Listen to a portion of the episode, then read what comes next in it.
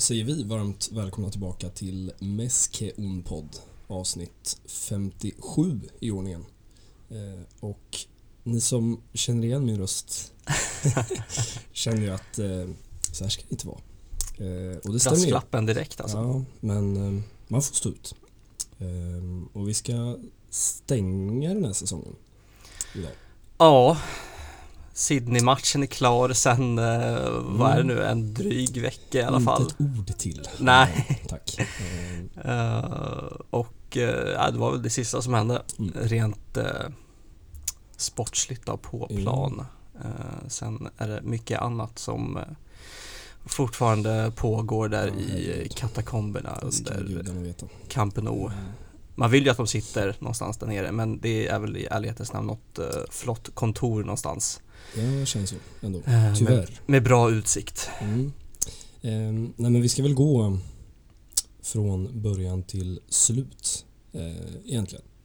Ja. Och eh, ja, det var en mindre munter läsning på många, på många plan eh, när jag satt och gjorde min research igår. Ja, när man ehm. läser tillbaka på den här säsongen så uh, det här blir väl någon form av liksom, självskadebeteende för alla där ute som lyssnar och vill, och vill plåga sig själva eh, och höra eh, summeringen på, på den här säsongen. Ja, eh, men vi, vi ska väl börja egentligen i, i sommaren.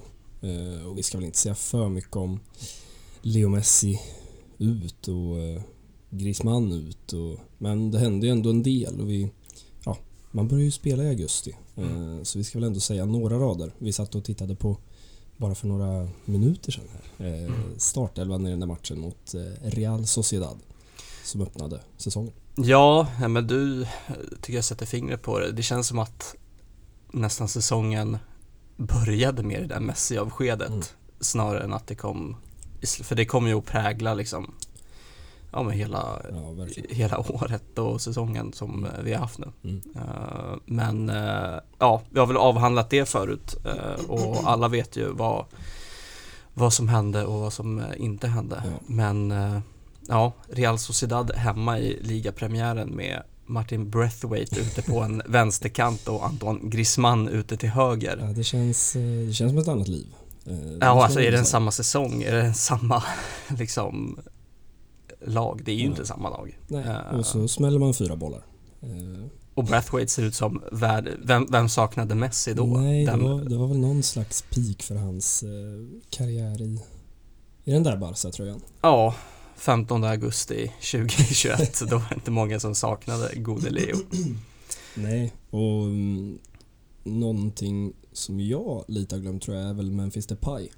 Så som man såg på honom då. Mm. Uh, och jag vet att man satt under de där träningsmatcherna också och imponerades. Eh, något ruggigt eh, av Holländarna. Ja, de hade väl någon ganska imponerande sista tränings där, träningsmatch där mot Juventus mm. på Estadi mm. eh, som man eh, vinner med, med 3-0. Eh, och Depay mål efter tre minuter, Breathwaite fyller på, Ricky Push ja. avslutar målskyttet och då, ja, då kände, då var det luft under de där vingarna. Ja, och man hade väl ändå lite, alltså man ska också säga det att man kom in i säsongen från den här liksom våren som ändå var på många sätt fantastisk. Eh, mm. På tal om Larial så minns mm. många den där 6-1 på bortaplan som någon slags, ja, kanske den största stunden i Ronald Komans tränargärning i Barcelona eh, sett till individuell prestation i match liksom. Ja, fotbollsmässigt så kändes det som en eh, maxprestation mm. Eh, av alla elva på plan mm. Eh, i princip. Det var den här cuptiteln också som man bärgar och ja, sen var det ju som det var i ligaspelet men, men känslan var väl ändå Sen, sen kommer Messi-grejen och mm. men, men ja, det var svårt att tro då att det skulle gå så käpprätt utför mm. som det ändå gjorde. Eh, det får man väl kosta på sig. Ja, alltså vi alla upptäckte väl att det fanns någon form av ny botten eller liksom avgrund eh, som väntade. Mm. Eh, som man inte riktigt Ja, men man trodde väl inte att man skulle få, få uppleva det. Nej, inte riktigt. Um, men det var en ganska tuff eh, inledning på säsongen. Eller så här, lite obehaglig med Larial, Athletic Club och Getafe. Ja, Eh, och ett Getafe som man inte heller visste skulle liksom kollapsa fullständigt Nej. den här hösten. Eh, men man åker ju upp till, till Basken sen och spelar oavgjort eh, mot Atletic Club. ja. Eh, Och känns det inte alltid som att man möter Athletic Club antingen i liksom omgång två eller omgång tre av varje säsong. det- Just på bortaplan. Det känns som att det alltid är en resa till samma mäss. Typ det första fråga, man gör. Får fråga Tebas vad han har i... Varför? Ja, jag, ja, jag, jag hör dig. Ja, Jag nej vet. men eh, den uh, Athletic-matchen uh, Depay igen, han Mm. gör väl kanske, när man ser tillbaka på det, kanske sitt snyggaste mål där. När Ja, han bara liksom vristar upp den i krysset Mm. eh, lite från ingenstans. Eh, Han var ju frälsaren Ja, där och då. Eh, Ja. Det måste man ju ändå vara tydlig med och, och säga. verkligen. Och sen åker man och, eh, eller åker, ja visst, alla åker till Camp Nou ehm, och besegrar Getafe med 2-1. Eh, och, och ser man tillbaka på det så, ja, Sergio Roberto gör bort bara en sån sak. Ja, men ser man tillbaka på det så är det väl en, en säsongsöppning som är, den är väl vad den är. Alltså den är väl liksom 3 plus. ja. Depay gör mål i varje av de matcherna Mm. och att besegra Larial och eh, Getafe på hemmaplan, det ska man ju göra. Ja. Eh, och visst, en, en pinne borta i basken är inte fy skam det Nej, heller. det är väl, det är väl liksom en arbetsskada så, som händer längs vägen. Ja, Eh, Men ehm, för att då, om vi ska gå månad för månad, avsluta augusti så, så händer det ju en del på den här härliga deadline day. ja, Få var vi som visste att Super Luke skulle ansluta. Få var vi som trodde att vi skulle stå här, ja, vad är det, åtta, nio månader senare och eh, ja, vi får väl se. Vi ska väl återkomma till liksom någon slags awards-tillställning här. Men eh, är det årets värvning? alltså sett till någonstans vad man får ut av spenderad krona Ja. och någonstans ens förväntningar så Då är där och nosar. måste han ju vara en av de spelarna Ja. som absolut får bäst betyg den här säsongen. Ja. Men man skeppar ju Griezmann. Ja, Eh, och vad var det för deal? Var det någon form av tvåårslån Ja. eller hur? De håller väl fortfarande på att dividera om det där. Ja. Eh, Det var ju väldigt, väldigt komplicerat med liksom ja, om den skulle löpa två år så skulle han spela ett antal matcher. Eh, Mm. Ska de köpa honom så ska han spela ett antal matcher och så finns det någon procent som Barca ska ha. Och, ja, nej herregud. Eh, Men den, den kom ju också lite som en liksom, inte chock, men eh, jag vet att Koman så här i efterhand har ju pratat mycket om det där att Ja, nej men jag, jag släppte honom och det, det trodde jag inte. Men Nej. jag gjorde det för klubben. Ehm, och det är klart, får man in Super-Luke i utbyte så... Mm. Emerson Royal fick ju också lämna. Ehm, Han fick väl göra sin eh, han fick ju... debut, var det Ja. mot Getafe? Ja, han fick ju så här 25 minuter Ja, typ. Och... eh, ja, det var lite, lite deppigt ändå måste man säga. Offer för fotbollsekonomin. Det var väl ingen hemlighet att hans stora dröm var att spela i Barcelona. nej, Eh, Men vem vill inte spela under Conte? Vilket han inte visste då i och för sig. Men, eh, nej, det var, var det visst Nuno som satt ja, eh, på den bänken. jo. Eh, nej men man, man skeppar iväg Elias Moriba också Mm. till Leipzig. Och mycket- lite av ett inte, haveri är väl ja, kanske ett nej, men- stort ord men sett till den ändå säsongsavslutningen han Ja. stod för Jo men säsongen Visst. innan. så är det ju. Sen får man väl om man ska tillåta sig att kalla liksom en säsong senare som facit i hand så eh, mm, det verkar inte vara helt eh, problemfritt i den liksom miljön kring honom. Nej, om det är väl Barca som har gått vinnande ur, Mm. ur den här liksom, ur den separationen om man får säga så. Han fick väl knappt någon speltid i Leipzig och Nej, man fick ju ändå en 15-16 miljoner euro. Eh, ja, Så att, eh, samtidigt som en viss Pedri och Gavi Ja, eh, cementerat sina Mm. platser där. Hur mycket, hur mycket speltid det hade blivit i Barcelona nej, i ärlighetens namn. så är det ju. Eh, Vi kanske ska stanna på tal om Gavi. Eh, För det är ju lite, man har ju blivit lite bortskämd va, som Mm. Barca-supporter med, med de här tidiga liksom, genombrotten. Eh, alla minns väl Ansu Fati såklart, eh, som slog igenom under Ernesto Valverde. Eh, också så här liksom direkt in i en säsong. Eh, och precis samma sak får man väl säga om Gavi. Eh, som ju var uppe och spelade under försäsongen. Mm.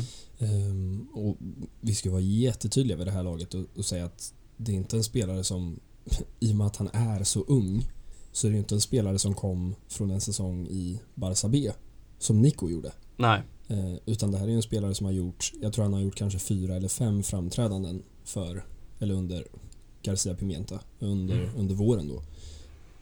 Och, eh, ja, vad ska man säga, resten är historia. Mm. Vi ska väl återkomma till det där Elche-målet. Eh, där man kanske för första gången riktigt tänker att eh, okej, eh, kommer nog inte bli av med den här rackaren. eh, Men det är ju den här vevan som han kliver fram på riktigt. Och tar Ja. plats. Han hoppar ju in i den här Getafe-matchen. En match som, har, som vi startar med mittfältet Busquets, Frenkie de Jong och Sergio Roberto. Mm. Det är också svårt att se tillbaka på. Nu får vi väl se om han kritar på det där kontraktet eh, till slut. Men eh, vi, vi kliver väl vidare och eh, det är väl kanske här egentligen, tror jag, som man första gången förstår att ah, det är någonting som inte riktigt stämmer eller det är ganska mycket som inte stämmer.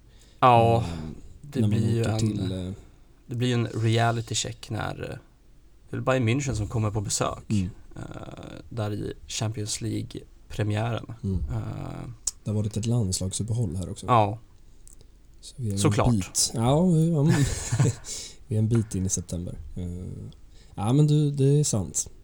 Två saker kan man ta för givet. Mm. Atletic Club i början av säsongen och kollapser efter landslagsuppehåll. Nej, men det var ju... Ja, det var en ruggig klasskillnad, måste man säga. Eh, Och känslan var väl att Bayern inte riktigt klev på för fullt, om man ska vara ärlig. nej. Men ändå kunde städa av det där Barca med, med 3-0 på Camp Nou. Eh, och det är klart, eh, en gång är väl ingen gång, tänker man.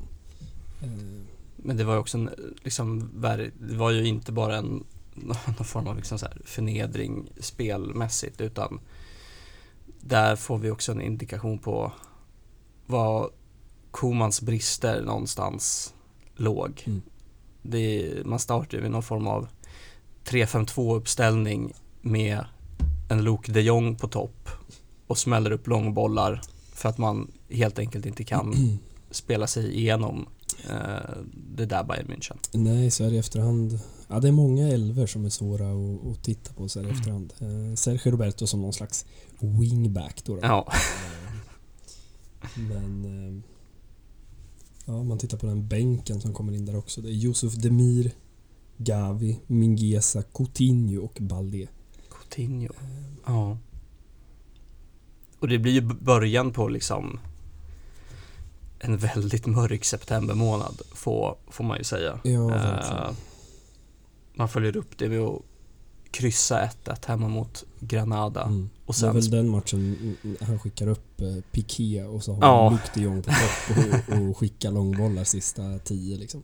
Ja, och man trodde liksom, man trodde inte sina ögon när man satt där och så här, vad, vad är det här liksom? Är det Nej, det här? det kändes som att det gick fort. Ja. Ti- Alltså det var så här i efterhand, jag har svårt att se riktigt Alltså om, om det är den här bayern matchen som då blir någon slags katalysator som liksom bara svungar iväg det här eller?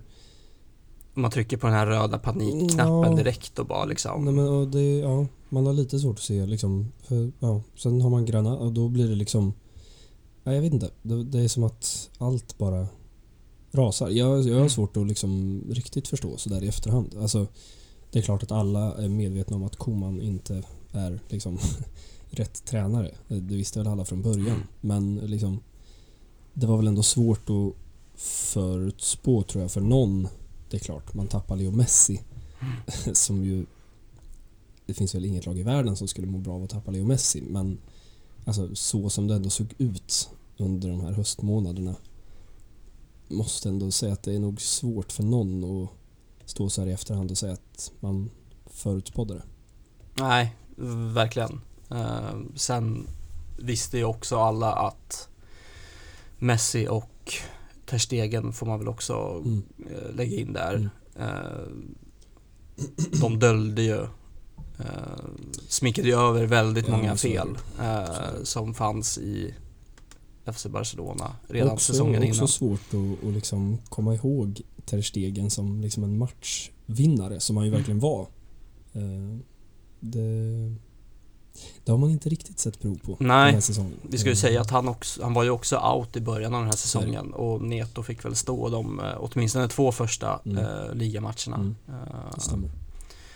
och eh, nej, han, eh, Ter Stegen fick ju inte alls någon bra start på säsongen och det satte väl tonen e- egentligen för, för hela året. Ja, ja men verkligen. får man ju säga nu när vi har upplevt den här säsongen till fullo. Ja. Eh, Men sen håller han nollan. Och då blir det 0-0 mot Cadiz. Ehm, och det var väl också en insats som... Ja, gudarna ska veta att det inte alltid är kul att spela fotboll mot Cadiz. Men... ehm, Nej, där och då, då, då liksom blinkade väl alla lampor överallt. Ja, och det är liksom, det är en Mingesa på högerbacken, det är en Dest på vänsterbacken. Frenkie de Jong åker ju ut i den här matchen också. Eh, Just det. I väl liksom ren, ren frustration, Mm. mer eller mindre. Mm.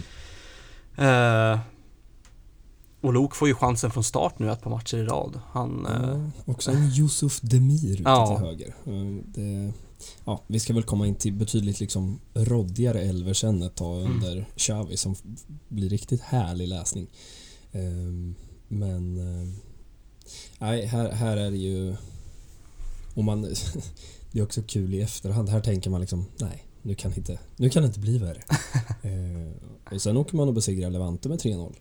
Eh, ja, Dock på hemmaplan tror jag, i och för sig. ja, på hemmaplan. Eh, och då var det ju en match att nu måste det ju komma en reaktion. Mm. Eh, och den matchen är väl mest så här ihågkommen eh, för en viss Ansu Fati Mm. som får hoppa in efter skada. Mm. Och eh, vi vet att när han hoppar in så blir det ofta mål också. Ja, man Eh. funderar på hur många gånger han har gjort det där nu. Eh, Ja. Och jag vet inte vad det säger mest om hans skadehistorik eller hans liksom momentum som, som fotbollsspelare på något sätt. Verkligen. Eh, Och många minns väl bilderna när han lyf, lyfts ju upp liksom. Ja. För det här är väl första matchen han spelar också med nummer 10 på ja, ryggen. stämmer. Och Stämmer. all symbolik som ingår i Ja. det kan väl de flesta förstå. Eh, men han lyfts ju upp där som någon form av frälsare mer, mer eller mindre. Ja, men känslan var väl lite så. Eh, Och det är klart, man kan ju stå här och fundera efterhand. Vad hade hänt om, om Ansu Fati hade varit frisk en hel säsong? Mm. Eh, Det lär vi aldrig få reda på, men tanken tåls att Mm. tänkas. Eh, Men det är lite berg och dalbana här, för då, då um, vet jag att man tänkte sådär att mm, ja men han så tillbaka igenom några matcher. Nu, Mm. mm, nu vänder vi på det här. 0-3 mot Bayern, ja. Eh, Men här är det också ett Bayern, ska man säga. Inte ett Bayern som har torskat liksom mot Villarreal, utan ett Bayern som väl anses vara kanske topp tre i Europa, någonstans. Ja, absolut Eh, liksom. om har, Där och då är de storfavoriterna till hela turneringen Ja. också, ska vi om säga. man har liksom den här 2-8 i bak. Ja, jo men visst, de springer över oss varje gång. Men Mm. eh, vi, vi ska ju klara oss ur det här. Eh, och sen kanske, kanske är det här tror jag som man inser att nu finns det ingen återvändo. Nej. Eh, när man åker på 0-3 mot Benfica.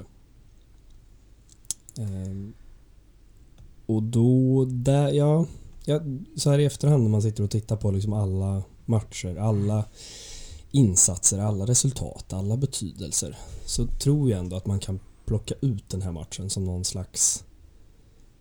Ja, jag, jag tror att det är här det avgörs egentligen. Sen är det klart att Koman får sitta alldeles för länge till slut. Men jag tror Mm. att alla visste redan här. Det här var liksom den sista den sista pusselbiten i det liksom mörka pusslet som var Ronald Koemans Barcelona Mm. under, under hösten. Eh, för det är ju en fullständigt horribel insats man går ut och gör. Ja, verkligen. Uh, än en gång en 3-5-2 uppställning. Mm. Uh, Erik Garcia åker ut. Uh, ska vi säga så att han också hade en tuff säsongstart. Ja, verkligen. Ehm, fick ju också ett rött kort där mot mm, Atletic Just i andra ligamatchen. Eh, Så hans aktie var, var ju inte alls kanske vart den Nej. står idag. Nej. Eh, Sen reagerar jag också på när man bara tittar på älvorna. Vad mycket Sergio Roberto spelade. Ja, Ehm, nej han var, han fick verkligen liksom förtroendet. eh, ute på den där högerbacken och, och liksom även på ett innermittfält. Mm. Eh, fascinerande. Ja, och det är så, vad hade hänt om inte en Pedri eller Gavi hade funnits liksom? Eh, Ja, nej, så är det ju. Herregud. Då är det liksom ett, ett gala mittfält med Busquets, Frenkie de Jong och Sergio Roberto. Ja, eh, det behöver vi inte prata mer om. Nej, det är, det är en mörk tanke. Eh, men, uh, men du har ju helt rätt i att Benfica 0-3, Bayern München 0-3, noll pinnar i det där gruppspelet, Mm. noll gjorda mål, Ja, sex mål i baken.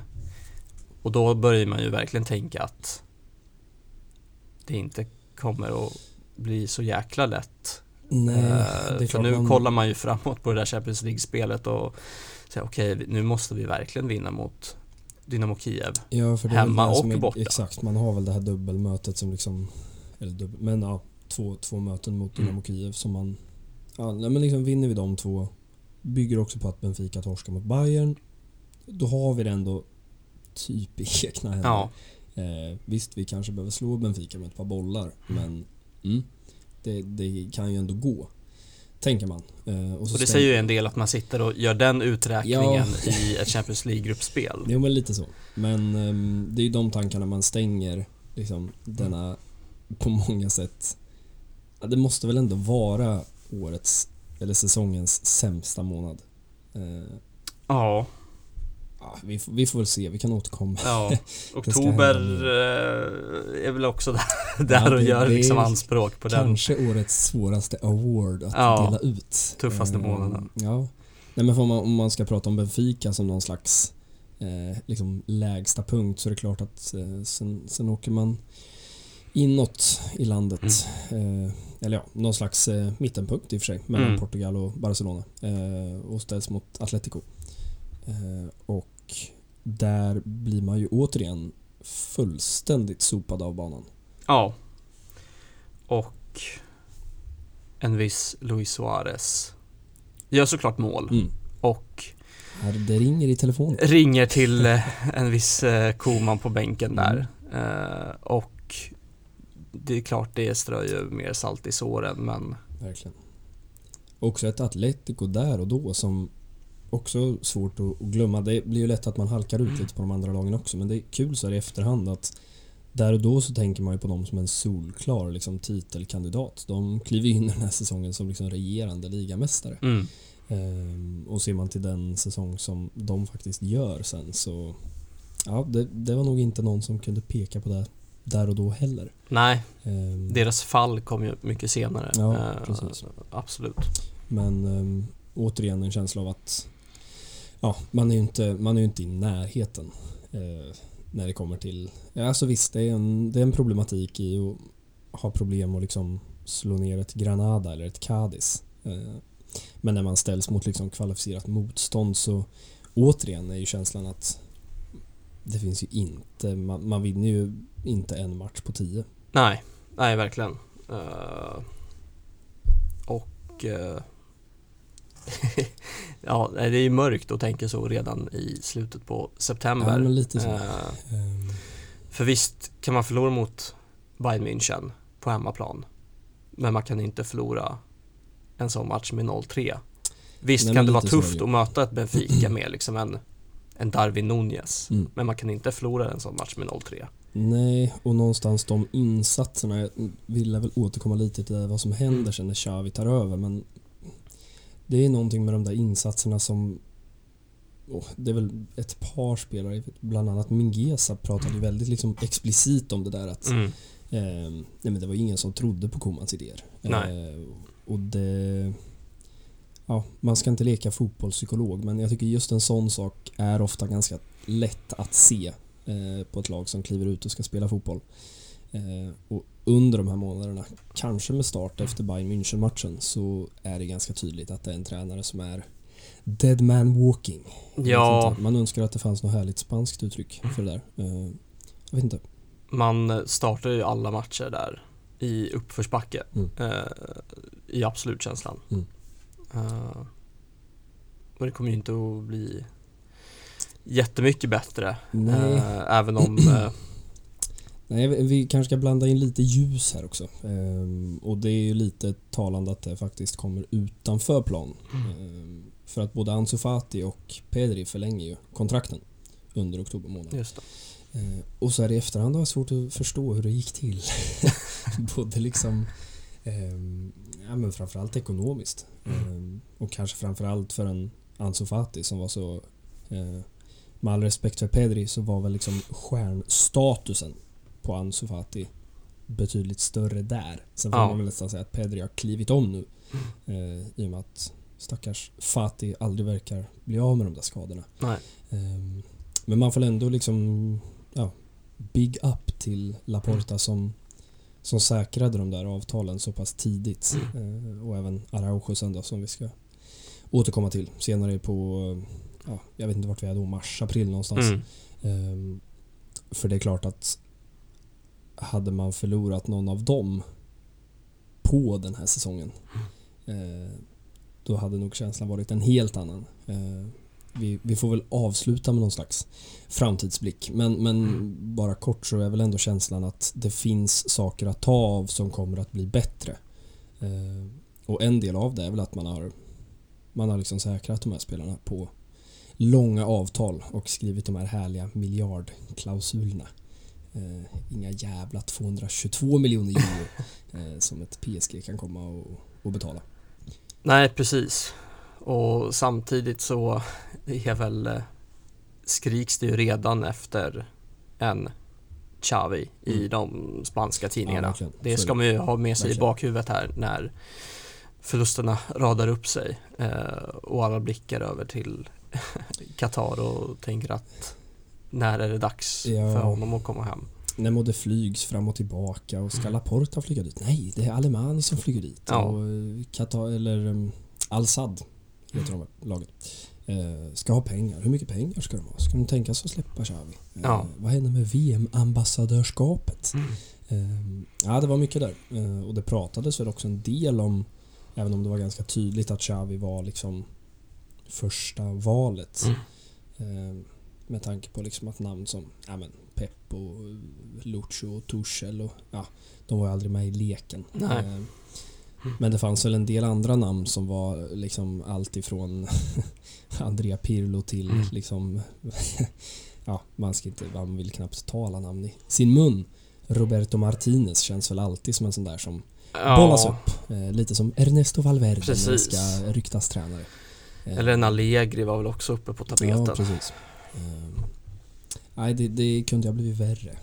kan man ju, kan man ju lätt eh, sagt säga i efterhand. Ja, men det är sant. Eh, och det börjar väl knacka lite här också i relationen Mm. liksom Laporta och Koman. Mm. Laporta är ju ganska ofta ute redan här och pratar om att ja, så här kan det inte se ut och eh, det kanske blir en förändring snart. Mm. Eh, och det är klart, om vi bara ska prata lite Koman och hans avsked, vi, vi lär ju återkomma eh, bara om några minuter för han får inte sitta så länge till. Eh, men vi ska också ha klart att det var ju liksom en sommar där man hade en tränare som inte visste om han skulle vara kvar eller inte. Nej, Ehm, och det är klart att det, det är väl egentligen redan där tror jag som relationen Koman-Laporta förstörs på många sätt. Ehm, men man kan ju ändå försöka att ställa sig i Komans skor, Mm. även om det är svårt. Ehm, och tänka att det är klart att det var en speciell liksom, situation för honom också. mm. Som, som liksom ändå den på något sätt ikon han är. Eh, och ändå riska den. Han visste ju vad han klev på när han väl klev på. Eh, sen fanns det väl inga alternativ till slut. Förutom att sparka honom. Men... Eh, eh, ja, nej men det börjar ju mullra, precis som du säger, i de katalanska tidningarna. Och eh, det blir ju inte bättre av att man inte liksom lyckas vända den här trenden på planen. Nej, för visserligen man slår ju Man slår ju Valencia, man tar den här viktiga trean mot Kiev Mm. på hemmaplan. Det är den matchen Piqué nickar in. Ja, man vinner bara med 1-0. Mm. Inget skö... Det var... Ja, det var... det- Den matchen sa också mycket om mycket. Det är ganska spännande tror jag, för alla egentligen sex... Ja, möjligtvis den sista Benfica-matchen var ganska intetsägande. Men alla de sex matcherna, eh, alla de fem i alla fall, var ju matcher som alla var liksom... De gav så många svar Ja, på så många frågor. Eh, ofta känns det som att gruppspelen har man liksom städat av. Eh, här var det liksom, när man tittar tillbaka på de där sex matcherna så ja, åtminstone fem är ju sådana som man kommer komma ihåg väldigt länge. Eh, tyvärr inte av särskilt goda anledningar. Nej. Men, men det var ju lite, det var ju en konstig känsla den där Kiev-matchen också. Alltså man tog tre pinnar men det var ju liksom krampaktigt. ja det var väl känslan av att man på något sätt kom undan med, Ja med de där tre poängen. Ja. Eh, och sen, eh, ja, nej men jag sa ju att oktober, eh, de, den månaden gör ju också anspråk på att vara en av de tyngre. För sen Ja, väntar ett El Clasico på hemmaplan eh, och där blir det ju också förlust. Mm. Eh, vi ska ju säga att Kun Agüero har vi ju inte pratat om men han spelade Ja, ju faktiskt i Barcelona den här säsongen. också lätt att glömma. Väldigt lätt att glömma. Och det är väl det enda målet han gör va? I Ja. Ehm, David Alaba gör väl ett vidunderligt mål va? Eh, tidigt. Ja, löper väl längs där med vänsterkanten och drar till med vänster, Mm. vänstern i bortre där. Mm. Eh, och sen, det är en match som det heller inte ser så jättebra ut. Nej men Eh, det är väl återigen det där att man känner att det, det är aldrig nära egentligen. nej, Eh, Real Madrid behöver inte, de behöver inte ta i speciellt mycket för att, för att avfärda ett, ett Barcelona på Camp Nou. Och det, det är en mening som inte är liksom jätterolig att stå och säga. nej. Mm. Och jag kollar på startelvan och ser att Serginho Dest spelade som högerytter Mm. i ett tremananfall och det säger mycket om mycket. Ja. Eh, nej men 2-1 s- kanske inte ser så farligt ut på pappret men det var ju betydligt tyngre än så. Uh, Ja, Real gör ju 2-0 och Agüero får ju peta in den där i 97 Mm. Eh, Men där var det också en känsla av hur långt bort man är ifrån all form av liksom titelambitioner och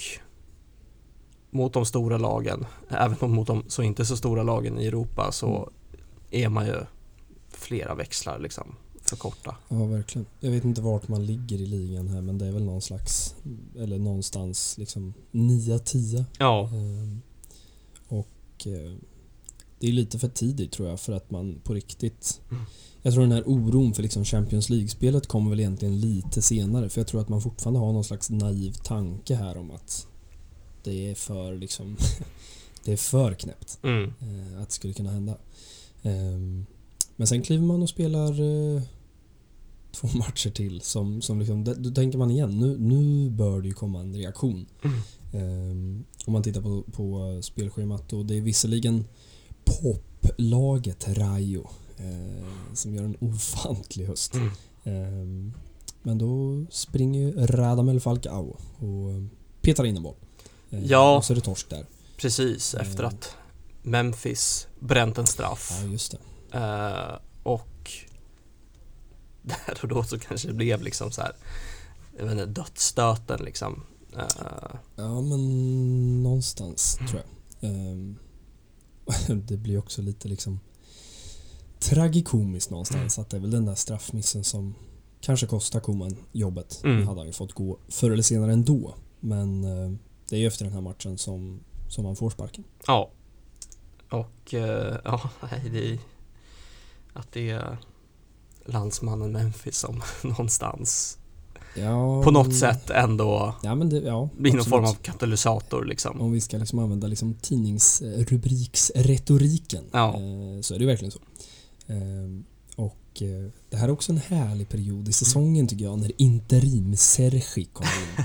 Eh, Fasen vad många gånger om man skulle ha något mätinstrument på många gånger man använder den termen i podden så hade det blivit imponerande läsning tror jag på ett eller annat sätt. Ehm, Koman får gå eh, och man går ju bara och väntar på Xavi. Ja, där känns det som att hjulet är, eller bollen är i rullning. Mm. Och som du säger, de här resorna till Qatar och de här någonstans övertalningsförsöken Mm. liksom. Att fan nu måste du komma tillbaka. Mm. Eh, är ju igång. Eh, Det är spännande att fundera så här i efterhand hur mycket, för det vet man ju, att Xavi har tackat nej ja, tidigare. Ehm, och hur mycket av honom som tänkte att det kan inte ha varit mycket av honom som tänkte att nu är det perfekt liksom. Nej. Ehm, för det finns ganska mycket att förlora från hans perspektiv. Ja, Eh. och vi ska väl liksom Vi ska väl rabbla några älvor här från typ november, december som eh, Som ju får en att höja på ögonbrynen alla Carlo Ancelotti. Ehm, men det är, det är en spännande tanke så här i efterhand hur mycket av honom som egentligen hade velat vänta fram till sommaren. Och det Mm. var det ju också tal om ska vi säga. Alltså en, någon typ av liksom Ralf Rangnick eh, interimlösning. Mm. Eh, och eh, jag vet inte om vi vill veta vad som hade hänt om vi hade haft interim Sergi i liksom resten av säsongen. Jag vet att man pratade liksom om ett namn som Garcia Pimienta eh, som liksom skulle sluta fredsavtal med Laporta och komma tillbaka till exempel. Mm. Eh, men så här i efterhand så är man väl ändå tacksam att det blev som det blev tror jag. Eh, men vi ska väl beta av de här liksom interim Sergi-matcherna eh, som ju ja, han gjorde ju vad han kunde men, men det var ju ja, det var förvirrat på många håll känns det som. Ja, han inleder ju med att, eh, får vi säga ändå, tappa poäng hemma Mm. mot Alaves. Mm. 1-1. Och kräftgången i ligaspelet bara fortsätter. Ja, alltså när man Eh. tittar tillbaka på de här så det är ju faktiskt eh, Ja, det är uppseendeväckande på alla sätt och vis hur många ja, jag, förstår, jag förstår knappt var man tar poängen ifrån. Och, och så här i efterhand så förstår man ju också varför liksom varför man har hamnat så långt efter som man har gjort. Och ändå, tänker jag, var man ju nästan eh, dit lär vi väl komma så småningom också, men det fanns ju en period där i mars, typ, eh, där man på riktigt tänkte att ja, alltså tappar Real några Mm. poäng till, då, då är det inte omöjligt längre. Eh, sen går man och vänder den där matchen mot Sevilla och sen händer det inte så mycket mer. Men med tanke på liksom, det hade ju räckt egentligen att Barca hade tagit Säg två segrar i de här liksom Det är ju mängder av poängtapp eh, och framförallt på hemmaplan. Ja, och man har vid, det här, vid den här punkten fyra vinster. Mm. Alla på hemmaplan. Mm. Ingen borta seger alls. När vi är liksom snart inne i november. Ja, Eh, och det säger ju en del. Eh, men sen kom ju Dynamo Kiev-matchen igen Mm. på bortaplan och vem är det inte om Ansu Fati som gör det där målet. Eh, när man vinner med, med 1-0 på liksom med minsta möjliga marginal igen. Ja, verkligen. och plötsligt tar man ju de där sex poängen i Mm. det där gruppspelet. Mm. Eh, och tänker att ja, men nu en andra plats fixar vi väl i alla fall. Eh, men sen kommer det ju kanske säsongens kollaps någonstans. Ja, när man det- åker upp till Balaidos. I, sista insats. ja, det blir ju det. Där uppe i Vigo. Eh, där man Och- spelar ju ut Celta i första Ja, halvlek. och vi ska väl säga att det här är väl också... Här är ju Xavi klar. Ja, Ehm, Men efter det här så väntar ju ett landslagsuppehåll och sen kommer Derby Barcelona mot Espanyol. Mm. Eh, Jag tror inte att Xavi finns på läktaren den här kvällen. Nej. Men det är väl ändå tydligt att okej grabbar, nu ska ni ut och imponera på er kommande tränare. en klassisk audition. Ja, men lite så. Eh, och jag vet att den här matchen är väl kanske den vi har återkommit till flest Mm. gånger, liksom den här kollapsen mot Celta. Eh, för det är klart att det var ju... Det var väl också något att man tänkte där i halvtid att eh, okej, nu, nu finns motivationen där. Eh, Ja, herregud. Liksom, Ansu Fati gör 1-0 efter fem minuter. Eh, Busquets gör mål. ja, just det. Och då vet man Då, då vet man vart det bär hän. verkligen. Och liksom Depay är 3-0 i halvtid och det är liksom guld och gröna skogar. Mm. Och sen visst, man släpper in ett 3-1 mål. Det kan man ju göra Ja. mot ett Celta som ändå är ett offensivt liksom, begåvat lag. Mm. Men sen tappar man till liksom 2-3 ja. och såklart så ska ju Aspas också göra Han gör 3-3 det där i sen. 97 liksom. Ja. Eh, och det var ju surt. Både för en viss interim Sergi som ändå gärna hade kanske velat lämna över det där laget liksom eh, med någon form av heder i behåll Ja, liksom. verkligen. Eh, men som du säger, efter det så är det ju landslagsuppehåll och Xavi får väl de här 10-9 dagarna Ja, att liksom sånt. Gnugga bredsidor med Mingesa. Ja, Ungefär. eh, ha, ha sin egen lilla uttagningsprocess där på, på träningarna Ja. fram till eh, eh, Espanyol-derbyt. Ja, och jag vet inte om man ska kosta på sig och försöka kliva tillbaka och, och, och liksom så här. Vad hade man för förväntningar? Ehm, och jag tror att de var ganska liksom rimliga ändå, Mm. vill jag minnas. Eh, jag vet inte om det är en efterhandskonstruktion eller inte. Ehm, men jag tror ändå att, eh, och det är väl här nu vi ska börja peta lite i älvor för att man ska förstå liksom var Barcelona befinner sig vid den här perioden. Eh, och för er uppmärksamma så har ni ju noterat att vi har inte nämnt Osmane Dembélé än. Nej. Och det är för att han inte har spelat fotboll, Mm. i princip. Mm. Eh, och under den här perioden så Ja, det är inga ljusa tankar man har om fransmannen. Nej. Eh, måste man ändå kosta på sig att säga. Eh, men det är ju, Xavi kommer ju till ett Barcelona som är dels skadeskjutet eh, men framförallt inte tillräckligt bra. Nej. Eh, men det blir ju seger Ja, det blir ju det. Eh, vi har en Ilias som får chansen från start. Mm. Visserligen byts han ju ut inför andra halvlek. Ja. Eh, men det säger väl en del. Men det var ju också en match som i ärlighetens kunde lika väl ha slutat 1-1. Mm. Eh, Raúl de Tomas har väl något avslut i stolpen Mm. och det blir någon form av Espanyol-forcering där sista Mm. tio och Barca liksom får bara inse att okej, om inte vi liksom backar hem nu så kommer det inte bli tre poäng. Nej, och vi... Jag vet att vi pratade mycket om det här under den här perioden, att man hade så svårt att stänga matcher. Mm. Eh, ofta tar man ledning, men det är som att alla vet att nu kommer vi att ge över initiativet Mm. och eh, till slut så kommer målet. Ja, Eh, och Xavi kommer väl in med någon form av Luis Enrique pragmatism här. lite Eh. Och kände väl av att eh, men nu får vi liksom svälja stoltheten och försvara med, med 10-11 man liksom. Ja, nej men ytter, ytterparet Ilias och Gavi i ett stadsderby mot Espanyol. Eh, ja men det är ju liksom vid den här perioden, det är ju två, det är två junisar. Liksom. Eh, sen ska det sägas att vid den här perioden har vi också, det är väl det här landslagsuppehållet tror jag som Gavi får eh, debutera för Spanien. Just det. Eh, och jag minns att det var ett eh, väldigt liv där och då. Eh, det har blivit ganska tyst Mm. sedan dess. Från min sida vill jag notera att Sergio Roberto var uttagen och det tycker jag är en betydligt större skandal. Eh, Får man säga. Ja, nej men med det sagt så sen, sen rullar det ju på. Ehm, eller rullar på ska jag inte säga för att faktum är ju faktiskt att det kommer ju en ja, kanske säsongens liksom största, vad ska man kalla det, största final typ. Ja, Ehm, för att man ska ju spela av den här matchen mot Benfica. Och då är liksom tre poäng och seger ett måste. Det är, som, det det är en ren final i princip. Mm.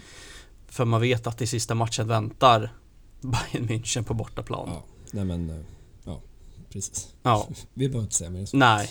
Och vad ska man säga om den här Benfica-matchen? Det, det man minns allra mest är väl hur Benfica inte lyckas göra mål. Eh, Nej, det är väl, Jaremchuk hade väl någon, ja, det är väl öppet mål i princip han har. ja det är nästan svårare att missa än att Ja, och göra mål. Ehm, återigen noterar vi ett ytterpar bestående av Gavi och den här gången Yusuf Demir. Eh, det var ju under den här perioden, här saknar vi fortfarande Pedri. Mm. Eh, men det var väl någonstans här tror jag den här idén om Gavi som någon slags eh, inverterad vänster ytter föddes. Mm. Alla Iniesta utan några andra jämförelser. Just det. Ehm, sen eh, blev det väl en liten annan situation när man faktiskt fick, fick in spelare i, i januari som man kunde labba lite med. Eh, men eh, det kändes ju som att Champions League-spelet dog den här Ja. kvällen. Eh, det måste man väl ändå säga. Det fanns väl någon form av så här teoretisk chans att besegra vi Bayern München och liksom ja, Dynamo Kiev spela oavgjort ja, något, på bortaplan i Lissabon så så har vi den någonstans. Mm. eh, Vi hade ju inte det i egna händer men det finns i alla fall en, en chans. Mm.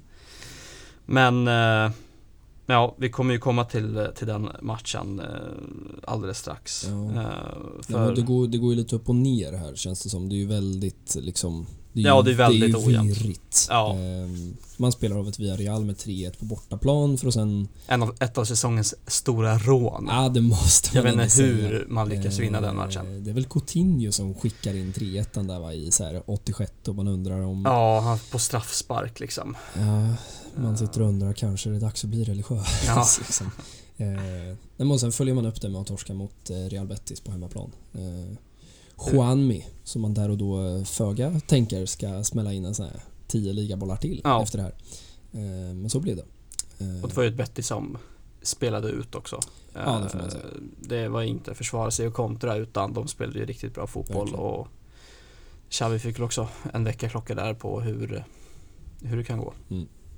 Ver- det måste man väl verkligen säga om, om Betis, vilken liksom, kontinuitet de har hållit under Mm. säsongen. Ehm, så här i efterhand. Det, ja, det är ruggigt imponerande. Ehm, vi bara petade väl i Rayo här som liksom hade en extremt stark höst. Mm. Sen är det klart att Real Betis har en betydligt starkare trupp och kanske framförallt starkare bredd än Rayo. Ehm, men eh, det tåls att säga vilken, vilken säsong de har gjort. Verkligen. Ehm, Men sen står man där och så ska det spelas Champions League-boll för sista gången. Ja, Osman Dembélé får starta eh, och Xavi är väl är väl ganska tydlig med att säga när han kommer in att eh, jag kommer att använda mig av, eh, av honom Mm. om, eftersom han kan hjälpa laget i princip. Han kommer inte skicka upp honom på läktaren. Nej, för det här är ju ja, en period där det verkligen bränns eh, kring fransmannen. Eh, Då hade man svårt att tro att man skulle stå här i juni och fortfarande inte veta eh, vad som kommer att hända och att det inte skulle finnas ett avtal på plats. Och framförallt att man vill att han ska stanna. Ja, nej men precis. Ja, verkligen. Nej men som du säger, Xavi är ju väldigt tydlig och jag kan också tänka mig att Laporta, som vi många gånger har pratat om, politikern Laporta, eh, såg det där lite som ett nederlag. Ehm, och så här i efterhand kan man fundera lite på hur kommunikationen fungerade där. Ehm, alltså var det så att Laporta klev ut och sa de här sakerna i liksom frustration, vilket man kan förstå, utan att prata med Xavi först. Eh, för det är klart att man kan ju tänka sig att om en tränare verkligen vill behålla en spelare, eller åtminstone vill använda en spelare, eh, så kanske inte de uttalandena från Mm. Laporta, även om man kan tycka att de är till och med liksom rimliga, Mm. eh, men att de kanske inte gynnar någon part egentligen. Nej. Eh, Men här var det väl i ärlighetens namn få som också stod på Dembélés sida. Men det var också få som trodde att Dembélé skulle svinga in inlägg mot Aubameyang en hel vår. Eh, Men så skulle det bli. Nej men eh, det finns väl inte så mycket att säga om den här bayern matchen Om det var en chock liksom några månader tidigare så var väl det här mer en, en bekräftelse på allt man redan visste vid det här laget. Ja, och det var väl ingen som hängde Xavi för det här liksom, utan jag vill minnas att det var ändå ganska samständiga, ett konsensus om Mm. att eh, det här ligger ju inte på Xavi, det är inte mycket han kan göra på Nej precis. vad, vad har det gått sen, eh, sen han kom in? Det var väl, ja men knappt två månader liksom. Mm. Eh, om ens det. Eh, Nej, och på så kort tid så vänder man inte på det, på det här bygget. Nej, uh, men så är det väl. Och jag vet att det, det är också så här i efterhand så vet jag att det är många som är väldigt snabba ut med liksom kritik eh, mot Xavi. Eh, och eh, jag vet också att det var många som var lite glada och kunde visa liksom gamla screenshots och sådär efter en klassiko-vinst sen några månader fram. Mm. Eh, och sen har det dippat igen, så herregud, där var det upp och ner. Eh, men man följer upp det här med liksom en Osasuna-match som ju inte är så härlig heller. Nej. Det är ju frejdligt här på ett annat sätt. Mm. Vill jag ändå minnas. Att man ofta satt och jag tror till och med att vi skrev någon artikel om det där eller fick några frågor så här hur har liksom Chavis första tid mm. varit ungefär. Och jag vill minnas att jag svarade något i stil med att det är fortfarande ett för dåligt lag men skillnaden är att spelarna verkar tro på det nu mm. och att det finns liksom ett mod. Ja, nej, sen räcker det liksom inte att ställa ut Abde och Ferhan Schutkla liksom i, ett, i en, liksom, en av Europas största klubbar mm. eh, och tro att det ska fungera fullt ut. Men nu försöker vi i alla fall. Mm. Typ så. Nej, men det, det, är en bra sammanfattning. Uh, Nej, för var, det var ju även tungt där. Man fick väl lite så här Koman flashbacks. För man, man leder ju två gånger och mm. tappar den ledningen två mm. gånger. Uh, och det är väl vad det är. För ja, efter det så är det väl någon memorial match mot Boca Juniors i uh, vart ja. spelar man den här matchen Nej, jag, jag, vet faktiskt inte. Eh, det, det, det har varit lite för många sådana här, tyvärr.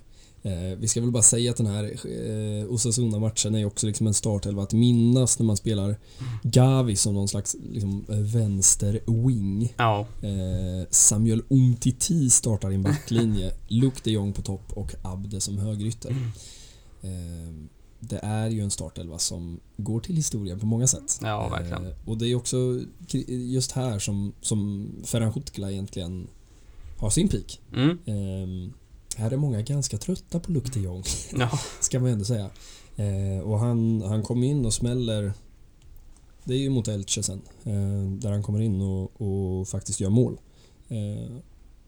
Precis. Och, och, här är det ju lite, det här är väl La Masia-tiden på något sätt. Och nu ska gudarna ja. veta att Ferran Hotela inte är made in La Masia. Han är väl espanjol fostrad. Ja, han, är liksom, han var ju lagkapten i deras B-lag eh, så, så, sent som liksom säsongen innan. Mm. Eh, men den där fruktansvärda hashtaggen måste vi... Ja, någon måste liksom mickas av på den där ja. kommunikationsavdelningen. Eh, nej men här, Ferhan Schutkla öppnar målet, skyttet, Gavi gör det här fantastiska målet som jag uppmanar alla som kanske fallit i glömska att youtuba. Um, jag tror att det är där och då som åtminstone jag tänker att eh, det, här är, det, här är något annat. Liksom. The real deal någonstans. Eh, ja men det är klart att det är liksom häftigt att en liksom, 17-åring kommer upp och gör det här avtrycket men eh, ja, jag, mm, här förstår man någonstans vad som vad som finns där mm. i den där lilla, lilla kroppen och de osnörade skorna som mm. vi är så trötta på att höra om vid det här laget. Ehm, men sen kommer det återigen en kollaps. Ehm, men sen kniper ju Nico Gonzales in 3-2 och eh, det är många matcher där, där det är så här härliga scener. Det, det, känslan är liksom att det är, det är liksom barn som är ute och ja. spelar fotboll och varje gång de gör mål så blir de så glada så de mm. springer till Xavi och kramas ungefär. Eh, och det är klart, det håller ju inte i längden. Eh, men eh, kanske var det ändå här man fick någon slags tanke om att eh, ja, det kommer ju inte bli en härlig säsong. Men det kanske ändå finns mm. någonting där framför oss att, att liksom se fram emot. Eh, Verkligen. Sen vi väl säga att resultaten inte alltid är med här heller. Eh, även om man kan åka till Sevilla och spela 1-1 utan att det är en katastrof. Eh, Nej, det var ju en match med mer smak. Dembélé har väl ett skott i stolpen i 87 eller något sånt där och ja. det var ju ändå ett Barca som gick för segern i den matchen. Mm. Äh, faktiskt. Mm. Men och, sen är det ju nyår och 2022 väntar ja. äh, på andra sidan. Vi kanske bara ska bryta av med en sak och det är ju att faktiskt ta farväl av Sergio Agüero. Eh, som ju, Just det. jag har inte exakt datum på det, men, men någonstans här innan jul så Ja, han har inte spelat egentligen på ett par veckor och eh, det har ju länge ryktats då om att han tvingas att sluta på grund av någon typ av problem med hjärtat då. Just det, han fick Eh, väl och, lämna eh, någon match där va? Ja Med precis, det smärtor. var ju som vanligt, han blev väl inbytt liksom Ja. och eh, sådär liksom som alltid obehagligt, situationer som inte är situationer. Eh, när man förstår att någonting har gått knas ändå. Eh, och har väl någon typ av presskonferens där han tar farväl lite för tidigt. Eh, Ja. Måste man ändå säga. Eh, sen är det klart, han är ju inte 22. Men eh, ja, vad jag förstår så har han ju liksom hälsan med sig nu Mm. så här några månader senare. Och det har väl till och med pratats lite om en comeback tror jag. Mm. Eh, vi får väl se vad det blir av det. Eh, Men det var ändå ett fint och värdigt avsked tycker jag. Ja, men det får man säga. Eh, Med Eh. presidenten och spelartruppen och alla där och Mm. det var liksom hyllningsvideos och Ja men verkligen. En, man kan ändå undra honom att han fick göra det där, det där målet i El Clasico. Ja, Även om det såklart inte var av någon sportslig betydelse så Nej. blev det ändå ett mål i Barca-tröjan. Nej, en fin, fin jävla anfallare. Även om han aldrig riktigt, eh, kanske framförallt Champions League, som man tänker att eh, ja, ska han vara där uppe och tampas med de riktigt stora Ja. så hade han kanske behövt Luis Suarez får ju ofta den kritiken Mm. men eh, han har ju den där 14-15 säsongen att titta tillbaka på. Eh, men eh, herregud, en av de absolut största på liksom i alla fall 10-talet måste man ju säga. Ja, och det har vi inte ens tagit upp men som inte fick spela med sin bästa kompis Leo Messi. Det Nej. var ju därför han kom. Precis. Eh, oerhört eh, tragiskt hur det, hur det slutade med tanke på vad man såg framför sig. Ja, nej det är väl en, en bromance som har varit eh, härlig men också kanske lite problematisk för det argentinska landslaget ibland. Ehm, men med det så, så ehm, kan vi väl egentligen stänga året 2021. Ja. Eh, tror jag. Och eh, sen öppnar det ju ett transferfönster. Eh, och det ska väl i och för sig säga att Dani Alves är ju klar Mm. vid det här laget. Eh, han är ju inte spelklar. Nej. Men eh, ja, i och med att han var klubblös så ja, var det inga problem att, att Mm. eh, komma överens. Eh, sen ska man ju peta sig in i den där lilla lönebudgeten också. Ja, och den där liga-registreringen och allt vad det är. Ja, gudarna eh, vet knappt heller, tror jag. Ehm, men ehm, det, den här januari månaden är ju kanske årets längsta, eller säsongens längsta. Mm. Eh, känns det som, för herregud vad det, vad det händer saker. Eh, Ja, vi börjar med eh, Luc de Jong är det väl eh, som eh, skjuter tre viktiga pinnar eh, Mm. på Mallis. Ja, här börjar väl någonstans hans liksom... hans redemption. Ja, och fan vad man älskar den. ja, ja, det är en kultspelare av rang. Mm. Eh, men man, man säkrar ju också Ferran Torres här Mm. ganska tidigt. Det pratas ju redan eh, innan jul, eller, ja innan jul och kanske framförallt där i mellandagarna. Eh, ryktas det ju rätt intensivt. Eh, jag vet att han lägger ut någon video när han eh, kör den här klassiska stegen Mm. på spansk mark. Eh, och blir också officiell sen. Eh, men han ska också registreras på något sätt. Ja, Och hur ska det gå till? Och man- Undrar alla. Jo, genom att Umtiti förlänger till 2026, svarar Alemani. Ehm, och och eh, vi ska väl inte göra några ekonomiska kalkyler på den lösningen. Men ehm, så blev det. och där och då var det ju så här otroligt att man kunde lägga 50-55 miljoner euro Ja, med tanke på situationen. Ja, till denna dag så förstår jag inte. Sen har man ju förstått att det var ju inte så att man la upp dem där på bordet utan det Nej. betalas ju till sitt i liksom delsummor då. Men eh, nej, det är klart, det var nog många som, som funderade kring hur, hur det där gick till Mm. eh, egentligen.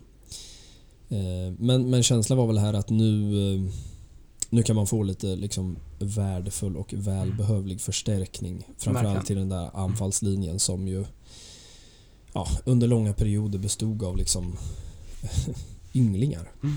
Eh, är väl det rätta ordet. Eh, men man, man spelar ju lite fotboll också. Den här härliga liksom första Copa-matchen. Eh, På något konstgräs mot Ja. något eh, valfritt Deportivo-lag. eh, Eh, nu var det väl Linares som stod för motståndet. Mm. Ferran Schutkla avgör. Ja. Och eh, Dani Alves gör väl sin tävlingsdebut eh, där och då. Stämmer. Och sen, ja. 1-1 borta mot Granada. Man tappar ju det. Gavi åker ju ut. Just det. Ehm, Jag tror att han för första gången förstod där att man faktiskt kan få två killar i en match. Han, han hade väl spelat på liksom överskottsenergi Ja. en hel höst. Ehm, Och eh, det är väl Antonio Puertas tror jag som Mm. skickade in 1 där i 89 sen. Luke de Jong gör ju 1-0 här så han, Såklart. hans aktie går ju upp ska ja. vi säga. Ehm, Även om inte det blir tre pinnar. Nej, precis. Och sen ska man ju spela den här härliga supercupen då. Eh, Mot Real Madrid. Ja. Eh, och det, den är väl också ganska så spännande att se på i efterhand. För där är ju Barca inte sämre Nej, spelmässigt. Eh, man lever ju på någon, där och då på någon liksom ungdomlig entusiasm. Ja, men något i den stilen. Och det funkar ju. Och sen, det är klart att Real Madrid är tyngre. Som Real Madrid Mm. alltid är. Man imponerar inte och sen gör man mål och sen vinner man fotbollsmatcher. Mm. Eh, och så blir det ju den här gången också. Efter förlängning. Ja. Eh, men känslan var väl kanske i ärlighetens namn att det var ganska någonstans skönt att slippa spela den här finalen och kunna Ja. åka hem till, till Katalonien igen. Eh, även om det såklart, jag vet inte hur många matcher i klassikon utan vinst i rad man var uppe i här. Mm. Men, eh, Många var det i alla fall. Ja, eh, men det skulle ju komma att ändras på eh, lite senare. Men eh, ja, det, ja, i och för sig. Pro problemet är kanske att man följer upp det där med ytterligare ett cuputtåg eh, Ja, efter förlängning. ja, också en otrolig match. Pedri gör väl något så här Iniesta-aktigt 2-2 mål i slutet. Mm. Men man förlorar ju efter 120 minuter och det man tar med sig härifrån är väl att Ansu Fati går sönder igen. Igen. Eh, tyvärr. Mm. Och det såg ju inte alls bra ut. Det är väl någon muskel i baksida lår eller någonting som liksom går av. Ja. Eh, och han lämnar ju planen i, i tårar. Mm. Eh, Och det fanns väl också en, en kritik här vill jag minnas mot liksom beslutet att någonstans forcera honom. mm. Och det fick vi väl se prov på liksom i slutet av säsongen Mm. nu när man har varit väldigt, väldigt, väldigt försiktig. Eh, noterade att han satt av alla 90 minuter mot eh, vilka var det de hade igår? Portugal va? Ja, Eh, I Nations League. Nations League. Eh, så man har väl lärt sig förhoppningsvis. Eh, men eh, ja, en, en tung förlust såklart. Mm. Eh, Men återigen, om man får vara lite kräsen så där i efterhand så Ja, det kändes som att luften gick ur tillräckligt eh, framåt april, maj Mm. ändå. Eh, sen är det klart att ett, en liksom kåpa, en kåpa run igen Mm. hade såklart kunnat ge energi också. mm. Men eh, ja, det är ju, det här är väl åttondel va tror jag. ja. Eh, Så det är klart, skulle man spela tre matcher till, ja, det är inte hela världen. Men, men känslan är ju ändå att man hade ganska stora problem med Mm. att liksom klara av och lösa de matcher man hade. Mm. Eh, vi ska väl snart liksom äntra eh, Europa League-spelet. Eh, men, Ja. eh, men först var man och besegrade Alaves. Eh, och eh, säg den som inte kände äntligen. Efter, eh, ja var det 1-1 man hade i, i eh, höstmötet. Ja. Precis. Eh, och sen kommer väl kanske en av säsongens Ja, klassikot är väl såklart eh, längst upp. Men, Efter det så är inte den här matchen långt bort. nej, men jag vet att den första halvleken så eh, en del av min research som Mm. den liksom extrema narcissist jag är var att scrolla igenom mitt eget Twitterflöde Mm. eh, för att titta hur och så kunde jag jämföra det med liksom datumen. Eh, och jag noterade att jag skrev efter den här första halvleken att detta måste vara säsongens bästa 45 minuter. Eh, och jag tror nog att det var så.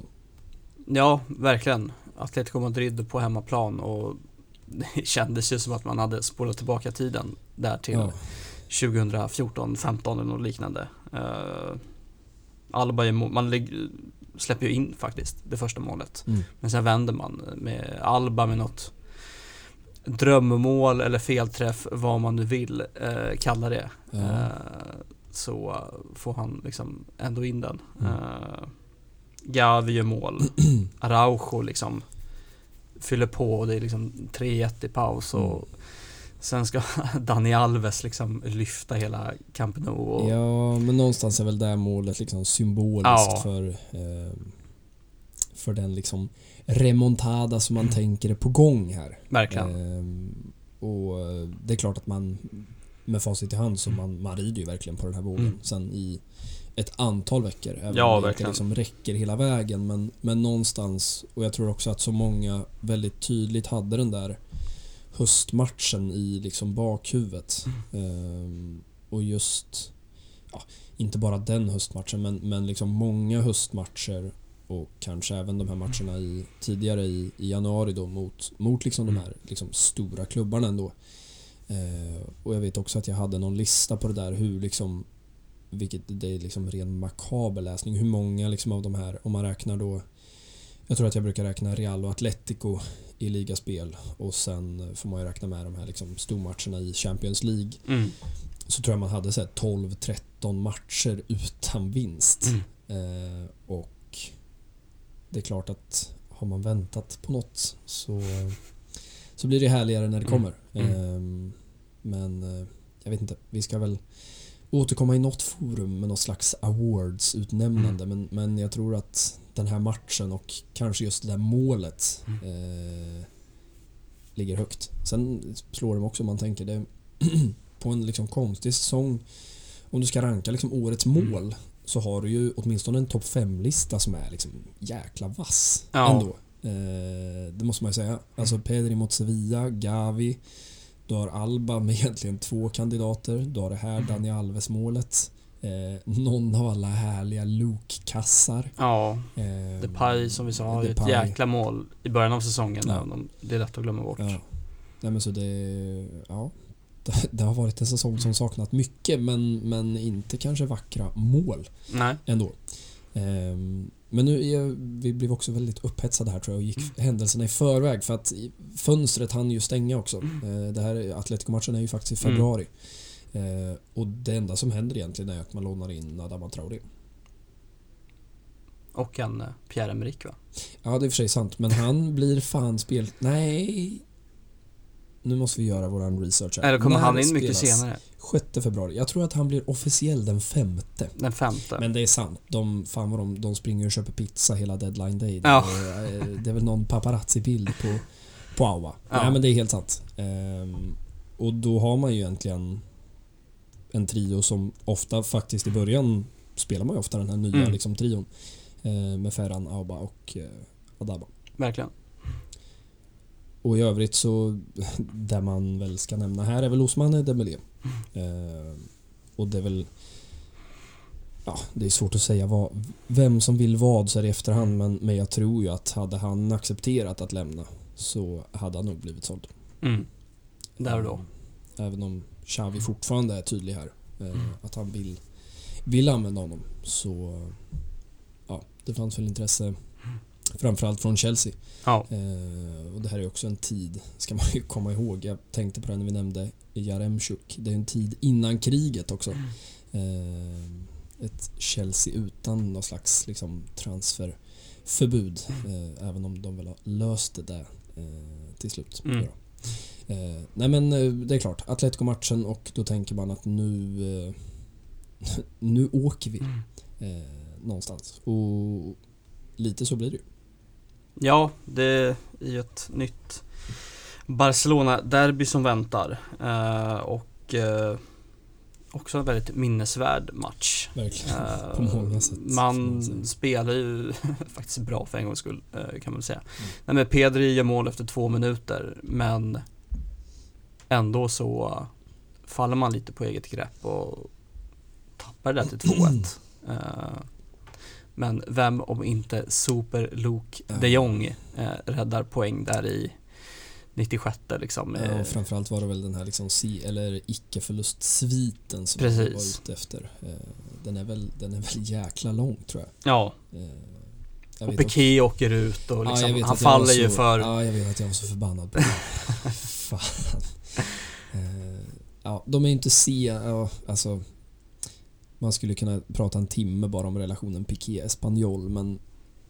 Ja, det är fortfarande, jag vet att jag halshögg honom i podden Mm. efteråt också men Nej, jag förstår inte hur man... Han måste ju förstå att under 95 minuter så kommer de göra allt. Men ändå så eh, åker han dit. Det är som att han är 22 hjärnan Ja. liksom, när det bränner till varenda gång. Eh, jag vet inte, poängtapp eller liksom poängräddning. Eh, Det beror väl på vilket perspektiv man Det kändes ta. där då ändå som att det var två lag som var lite missnöjda båda två Verkligen. egentligen. Verkligen. Uh, Espanyol hade ju den där segern. Mm. Och Barca spelade ändå bra och hade ju chans att döda den där matchen Ja. men om man gör det där 2-0 målet. Ja. Eh, för gud vet att man hade lägen. Men Eh, och, och här är vi väl också, börjar vi väl i alla fall hamna någonstans i att man på riktigt börjar prata om den här Champions League-platsen som, som hotad. Ja. Eh, alltså vad händer om man inte börjar vända på saker nu? Eh, det är ju tillfällen där det är liksom Sen haltar ju tabellen ofta men, men liksom vi snackar liksom 6-7 pinnar upp. Sådär. Eh, och, och man funderar på hur, hur ska det här sluta? Det, man, här vet man ju inte att liksom Villarreal ska gå en hel vår i Europa och, Nej. och egentligen titta ner på ligan. Eh, vad ska hända med Atletico? Eh, ska de liksom eh, vända på den här säsongen? Eh, vad händer med liksom Real Betis? Ska de hålla i? Eh, La Real är Mm. liksom starka här också. Mm. Eh, så det är väl någonstans här tror jag man på riktigt börjar fundera på eh, ska, ska det här lösa sig Mm. eh, lite? Och kanske framförallt efter det här poängtappet tror jag var väl någon slags sån stund också när man Ja, man fick fundera på ett och annat. Men inte för länge, för sen skulle det spelas fotboll på torsdagar. Ja, Europa League gör intåg. Eh, Napoli gör intåg. Mm. Charmigt liksom möte ändå, måste man säga. Ja, Eh, det för var ju... vara liksom... Det är ju 16 delsfinal då. Eh, ja, det kunde också ha blivit en vår av det där. Ja, Eh, nej, men en 16-delsfinal med liksom lite Champions League-prägel ändå. Mm. Eh, två lag som hör hemma i den turneringen Mm. eh, i vanliga fall. verkligen. Men det blir bara 1-1. Mm. Eh, och här prat, kommer jag väl ihåg att vi pratade mycket Ferran Torres Mm. som brände han borde väl ändå ha gjort typ tre mål i den matchen. Ja, en normal liksom, dag på jobbet. Eh, Eh, Det var vid en, eh, den här tiden han fortfarande kom till lägen. precis. Eh, vilket känns lite deppigt att säga så här i efterhand. Eh, nej men eh, lite ändå oro. så- Alltså, det hade ju varit en sak om man hade åkt ner till liksom, eller åkt ner, åkt österut eh, blir det väl. Till Neapel och spelat 1-1. Men det, det är ändå 1-1 på hemmaplan. Eh, så det är klart att man man åker ju till Neapel med lite, lite press ändå. Eh, nu blir det ju som det blir med Europa League-spelet till slut men det är klart, hade man, hade man liksom åkt ut där mot Napoli eh, Ja, jag vet inte vad som hade varit bättre och sämre i och för sig med Då facit hade i vi inte hand. haft en Frankfurt-invasion. Nej, någonstans så. Men ehm, ja, det, där och då var det väl lite så knivigt för Mm. som, ja, som, som man rider på vågen efter atlet. Ja, riktigt är det ju faktiskt inte så. Eh, Mm. Åtminstone efter de här två matcherna. Eh, utan då funderar man väl lite på eh, var det där en engångs Mm. Och jag vet att man tittade framåt på det där spelschemat och eh, det var liksom som att titta på en vägg. Ja, det var riktigt svår februari tänkte man för Mm.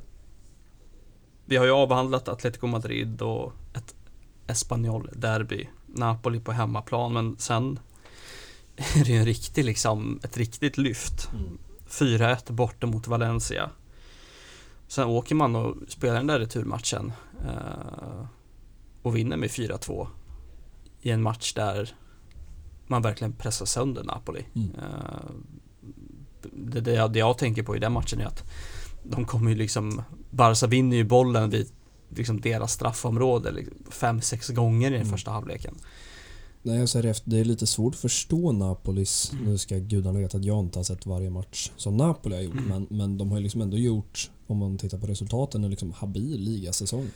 Ett par vinster till hade de varit uppe liksom och tampat som den där ligatiteln liksom på riktigt. Ja, de hade ju en Mm. riktig dunderhöst Mm. där de tar, jag tror de tar 31 av 32 poäng i ligan. Ja. Eh, Det är liksom de och Milan i topp. Mm. Eh, Så de hade ju också liksom en bra höst i ryggen. Mm. Eh, till skillnad från Barcelona ska Ja, vi säga. jo, verkligen.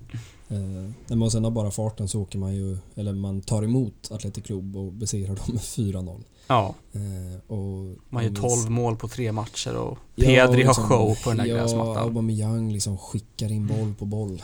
Men eh, ja, vi kanske ska stanna lite vid den där Pedri. Vi måste väl hitta någon GIF och skicka ut. Eh, Ja, den där tunneln han gör på.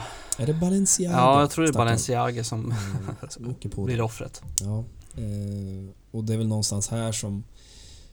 Det ska vi väl säga att Ansu Fati saknas ju. Mm. Osman Dembélé är väl liksom inne i sin liksom omvändelse av den liksom katalanska publiken Mm. på Camp Nou men här är ju Pedri det stora namnet på alla sätt. Ja, han bär ju laget på sina axlar Mm. verkligen. Och eh, gör väl allting rätt. Mm. Eh, det är väl kanske där och då som han pikar den här säsongen. Eh, Ja, någonstans. Eh, Visst gör han bra liksom, insatser efter det här också. ja, det är Men- väl det där Sevilla-målet man tänker Ja, på men... eh, Men den här matchen herregud, är ju ja, liksom... Han är ju... Ja, jag tror att vi, vi pratade om det i podden då Mm. också att liksom det här att det är en sak kanske som när han slog igenom Mm. eh, att vara fantastiskt bra och att vara väldigt ung. Men här går han ju igenom en period där han i princip är matchavgörande i 3-4 sekvenser Mm. varenda match. Eh, som en central fältare i ett 4-3-3. Och... Eh, ja, man... Att den där skadan kom sen Mm. gör en ju väldigt, väldigt ledsen för Mm. att... ehm, ja, nej vilken, vilken fotbollsspelare det är på alla, alla sätt och vis. Eh, Ja, och hela det är klart- fotbolls-Europa fick väl liksom verkligen Ja, nej men någonstans. Eh, se på vad han kan göra. ja, och det, det säger väl också en del tror jag att om man tittar på när Pedri har varit borta, det vill säga i princip hela hösten Mm. och slutet av våren eh, och så tittar du på hur resultaten har sett ut då. Eh, sen är det klart att det inte bara handlar om Pedri men eh, jag tror inte det är helt eh, obetydligt eh, och att det finns faktiskt någonting som, som ligger där bakom. Eh, för att det är ju en Ja, det går inte nog att upprepa vilken otrolig fotbollsspelare det där är. Eh, och återigen, om man ska smyga lite på de här utnämningarna så, så vet jag inte vem som är säsongens spelare. Det tycker jag är väldigt, väldigt, väldigt Mm. Eh, frågan är om man kan bli det om man har spelat liksom, vad är det? Är det ens 50% av Mm. matcherna? Eh, men slipper man utgå från någon sån parameter eh, så är nog Pedri den Mm. som har hållit absolut högst nivå. Ja, Eh, solklart för mig i alla fall. Ja, eh, att det är nog han som landar där. Och det säger väl också en del att man kan bli det trots att man har spelat liksom 50% Mm. av matcherna. Men man, eh, liksom, man kan ju verkligen snacka momentum här. Ehm, kliver ju vidare liksom. Sen ser det inte alltid eh, liksom hundraprocentigt ut men, men eh, Resultaten kommer ändå. Ja men man slår Elche borta och Javier Pastore åker Mm. ut bara Ja, en sån sak. Avverkar Osasuna med liksom fyra bollar på hemmaplan. Lottas mot Galatasaray på... Ja, det gör man i och för sig innan. Mm. Man är, och det är väl återigen där lite det här spännande att... Och det kanske vi ska stanna lite vid att Camp Nou... För precis som du sa för några minuter sedan, ganska många minuter sedan, eh, vid det här laget, så hade man ju en jättetuff höst på bortaplan. Eh, Men faktum är väl med facit i hand att hemmaspelet totalt sett egentligen var ännu värre. mm. Sett till förväntningarna, absolut. För det är ju precis som i Napoli-matchen så blir det ju samma sak Mm. Mot Galatasaray. Man spelar oavgjort på hemmaplan och eh, åker sen ner till Istanbul och besegrar turkarna Mm. med Iñaki Peña i Ja. mål. Eh, Och en Pedri som ännu en gång gör av de här, gör ett av sina mål som rullas Ja. frekvent på Barca Twitter. eh, Som de, de gillar ju att skicka ut det där med massa effekter och den där skottfinten han gör innan ja, han lägger in jag såg bollen. att de körde någon... de har väl lite så här um, FOMO nu, att de liksom inte... Vad, vad ska de posta nu? Så jag såg att de bara blängde ut någon liksom wallpaper på liksom Pedri Potter. Ja, herregud. Eh, De måste släppa det. Alltså. Jag vet inte, det är väl Aubameyang som håller på med det där va? Eh, Jag vet, jag vet inte riktigt vart smeknamnet kommer ifrån. Nej, inte men, heller. ja, alltså, han, är, han är ju inte helt olik. Nej. Eh, Det får, det får man väl ändå liksom någonstans ge någon. Men... eh, Ja, vad fan. Mål gör han i alla fall. Eh, Ja, han gör mål och han avgör matcher och efter att man tar sig vidare där så är det ju ett vårklassiko Mm. som väntar. Eh, bara tre dagar senare. Och här var det ju liksom mycket snack om att så här. Det har det väl varit under hela våren, men hur mycket ska man satsa på eh, det här Europa League-spelet? Mm. För att spela en tuff match borta i Istanbul tre dagar innan ett El Clasico där liksom heder och Champions League-plats och allt står på spel. Mm. Eh, och ändå lyckas leverera är ju ändå starkt så här med facit i hand. Ja, nej men vi måste väl, vi måste väl stanna lite vid den här matchen. Ehm, och för mig är det nog fortfarande svårt att riktigt sätta fingret på vad det egentligen var som hände. Ehm, för någonstans så tror jag lite att från, från det vita lägret Mm. att man tyckte att eh, oj vad ni var glada då. Eh, Absolut, ni kan få vara glada. Eh, det är gulligt att ni är Mm. glada över en vinst. Men samtidigt Alltså hade det, hade det varit en match i maj så hade det varit en femma. Mm. Men man ska ju någonstans veta att det fanns ju ingen ligaspurt eller liksom Mm. ligastrid att prata om. Nej. Men man är ändå mitt i en säsong. Alltså Real Madrid, det är ingen som vet där och då att de ska liksom ha någon slags eh, galen liksom Champions League-vår där man Mm. vänder på allt som går att vända. Nej. Eh, Så det kan ju ändå inte vara så att man går ut och ställer skorna. Nej. Eh, Vi saknar man ju Benzema i den matchen. Ja, det ska man ju verkligen poängtera. Men man förlorar inte med 2-1 eller 2-0 hemma utan man förlorar med 4-0. Mm. Eh, och Barca har ju i ärlighetens namn bu- bud på mer. Det här är en match som kan sluta 6-0 om, Ja, om det verkligen vill sig liksom. ja. Nej men och det är väl det där som är svårt att sätta fingret på också tror jag. Eh, Jag vet att folk brukar säga ibland liksom att så här, all, alla lag i Europa fruktar Real Madrid. Real Madrid fruktar Barcelona ungefär. Mm. Och det är väl inte liksom, det är inte sant såklart. Men någonting finns det ju, åtminstone om man pratar i en kontext liksom på 2000-tal Mm. åtminstone. Eh, som är att Alltså klubbarna har ju haft upp och nedgångar. Mm. Det ska ju liksom gudarna veta åt båda håll. Men Barca har ju inte åkt på 05 or 2 6 or 04 or eh, Och det är ganska spännande när man Jag vet inte var, varför.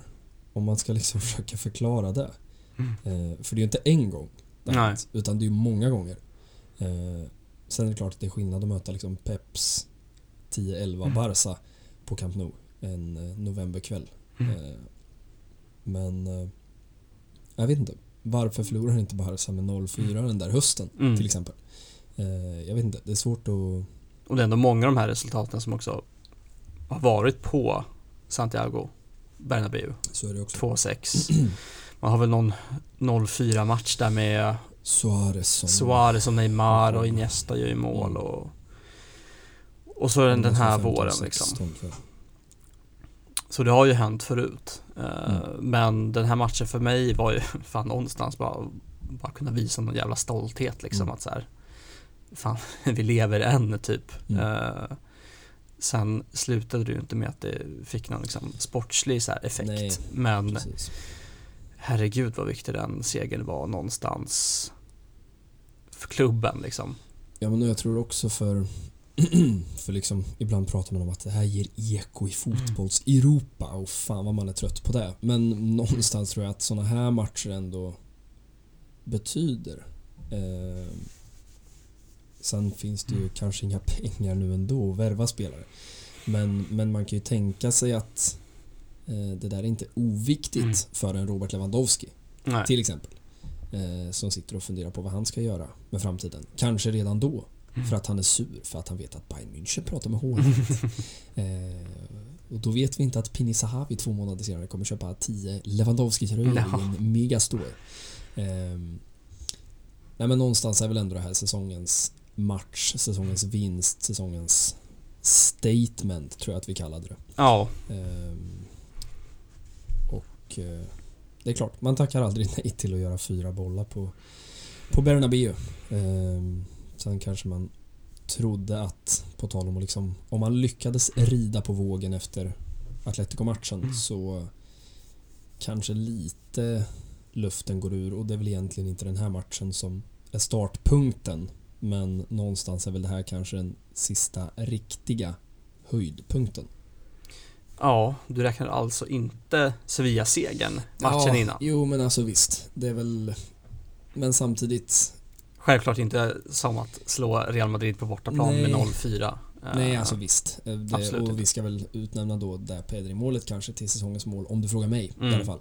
Eh, nej men visst, så är det ju. Men... Eh, nej men någonstans så känslan ändå att... Och det, det kanske också är mycket begärt för vad ska slå högre än att, att göra 4-0 på, på Bernabéu. Men för mig blir det där någon slags väldigt tydlig topp Verkligen. Jo. och sen eh, är det klart. För sen är det ett landslagsuppehåll va? Emellan. Mm. Och i och för sig, då är det ju nästan en gigantisk bedrift att ta tre pinnar efter ett landslagsuppehåll.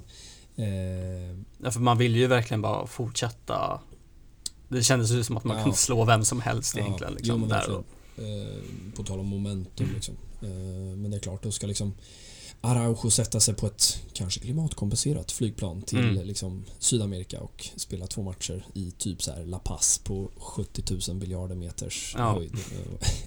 Syrgasmasker på hela Ja. bunten. Eh, nej, jag vet inte. De kanske inte smötte Bolivia. Jag har ingen aning.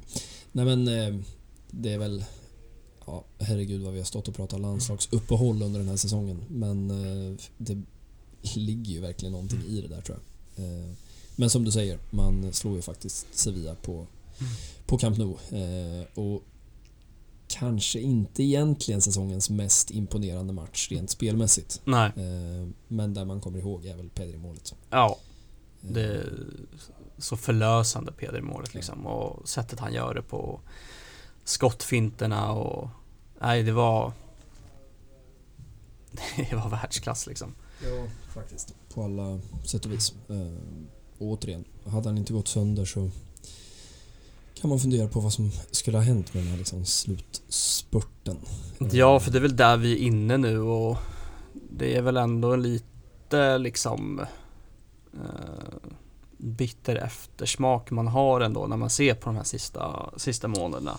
Ja, för det är klart. Om vi då vi räknar bort Sevilla-matchen, Mm. då har vi liksom 2, 4, 6, 8, 10, 11 matcher kvar efter den. Mm. Eh, och det är klart, de kunde ju ha blivit då 14 om man hade klivit vidare i Europa League. Eh, men, men det är klart att härifrån så kan man ju prata om någon slags slutspurtupplopp.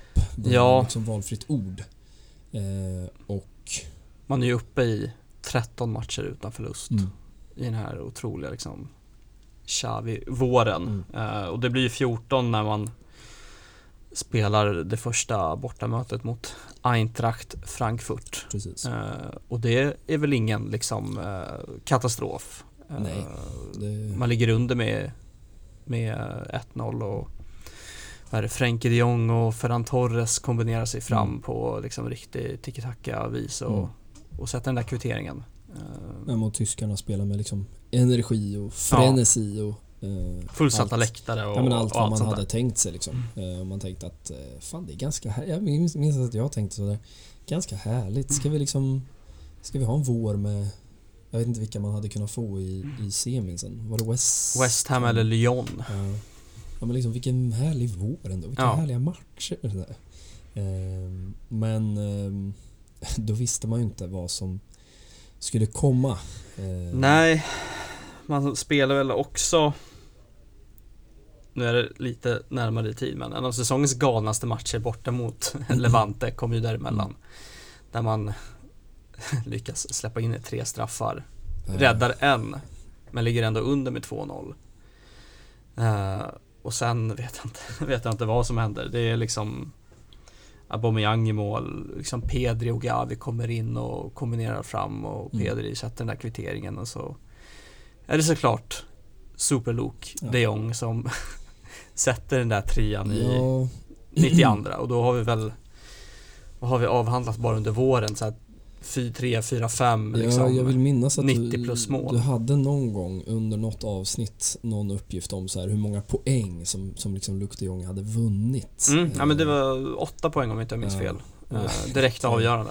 Ja, eh, och då ska vi fundera hur man ska ställa sig till den där värvningskategorin. Men det är Ja. klart att eh, ja, det är ju på många sätt en Säsongen liksom 21-22 för Luc de Jong är ju på många sätt en väldigt härlig historia på eh, eller om liksom hur Ah, man ska inte bygga upp det till mer än vad det är men, men, men ändå att det var ju ett, ett tag där i, i, jag vet inte vilken match det är exakt, men när han ska komma in och liksom, jag tror att Barca leder vid det här tillfället Mm. och man ska liksom lufta Memphis Depay säkert Mm. eh, och Luke ska göra liksom en kvart. Eh, och det buas när han kommer Mm. in på plan.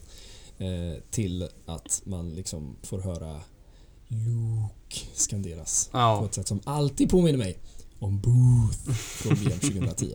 Eh, det är ändå en, en remontada på individuell nivå så gott som, så gott som verkligen. någon. Verkligen. Eh, men sen kommer vi till den riktiga, vi ska väl i och för sig också nämna att det är här i krokarna som liksom Piqué-gate kommer ut. Ja, Ehm, och vi ska väl inte liksom stå här och rabbla om det igen. Vi kan väl liksom egentligen bara hänvisa till det poddavsnittet Mm. som jag misstänker har Piqué på, på omslaget. Eh, där jag tror att vi pratade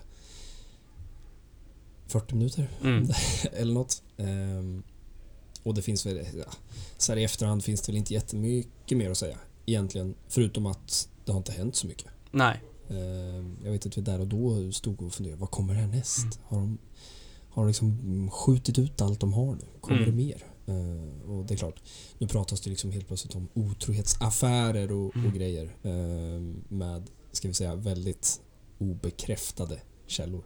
Ja, Ehm, men- salthinken är redo liksom. Ja, men verkligen. Tas upp här. Men det vi i alla fall kan konstatera är väl att det alltid kommer att hända saker Mm. kring Gerard Piqué. Ehm, Men med det sagt så, så kommer väl kanske, om vi har haft är det tre, fyra, fem kanske sådana här matcher som liksom indikerar vändningar under Mm. den här säsongen. Eh, Så är väl Eintracht Frankfurt-matchen på Camp Nou en solklar sådan. Ja, den har vi ju också avhandlat. Ja, verkligen. Eh, för det är ju en match med många lager. Eh, med det som hände utanför Camp Nou och Mm. efterspelet och allting. Men eh, nej, där kommer ju liksom kanske en av de tyngre smällarna för Xavis Barcelona. För nu har han Mm. liksom ändå fått sätta det här laget under en hel vår. Det var, fanns liksom inte så mycket han kunde göra där mot Bayern München 03 Nej, i början av februari. Men när vi är inne liksom i mitten på april och det är 15 matcher utan förlust i ryggen Mm. och så står man för en sån här insats. Ja, och någonstans ska man väl också säga att man är ju större favoriter. Kanske Galatasaray är väl lite jämnare kanske, men ehm, man måste ju ändå säga att Napoli är en betydligt större utmaning. Mm. Eh, och känslan när man fick Frankfurt var väl kanske att ja, men det här kan bli ganska trevligt och det kunde ha blivit betydligt värre. Mm. Ehm, men eh, jag vet inte, det är svårt att förklara den här matchen Mm. också som det ju är med många matcher under den här Mm. säsongen. Eh, men eh, känslan är väl lite att luften går ur och att det såklart har väldigt mycket med att Camp Nou är i mångt och mycket vitt Ja. den här kvällen. Verkligen. Uh, det sätter ju sina spår. Vi... En av de tyngsta liksom hemmasviterna på väldigt, väldigt länge Mm. inleds ju liksom historiskt sett. Eh, Ja. Man följer ju upp det med att torska med 0-1 mot Cadiz. Mm. Visst, man åker till San Sebastian och på något sätt lyckas man få hem tre poäng. Eh, Ja, det är väl också...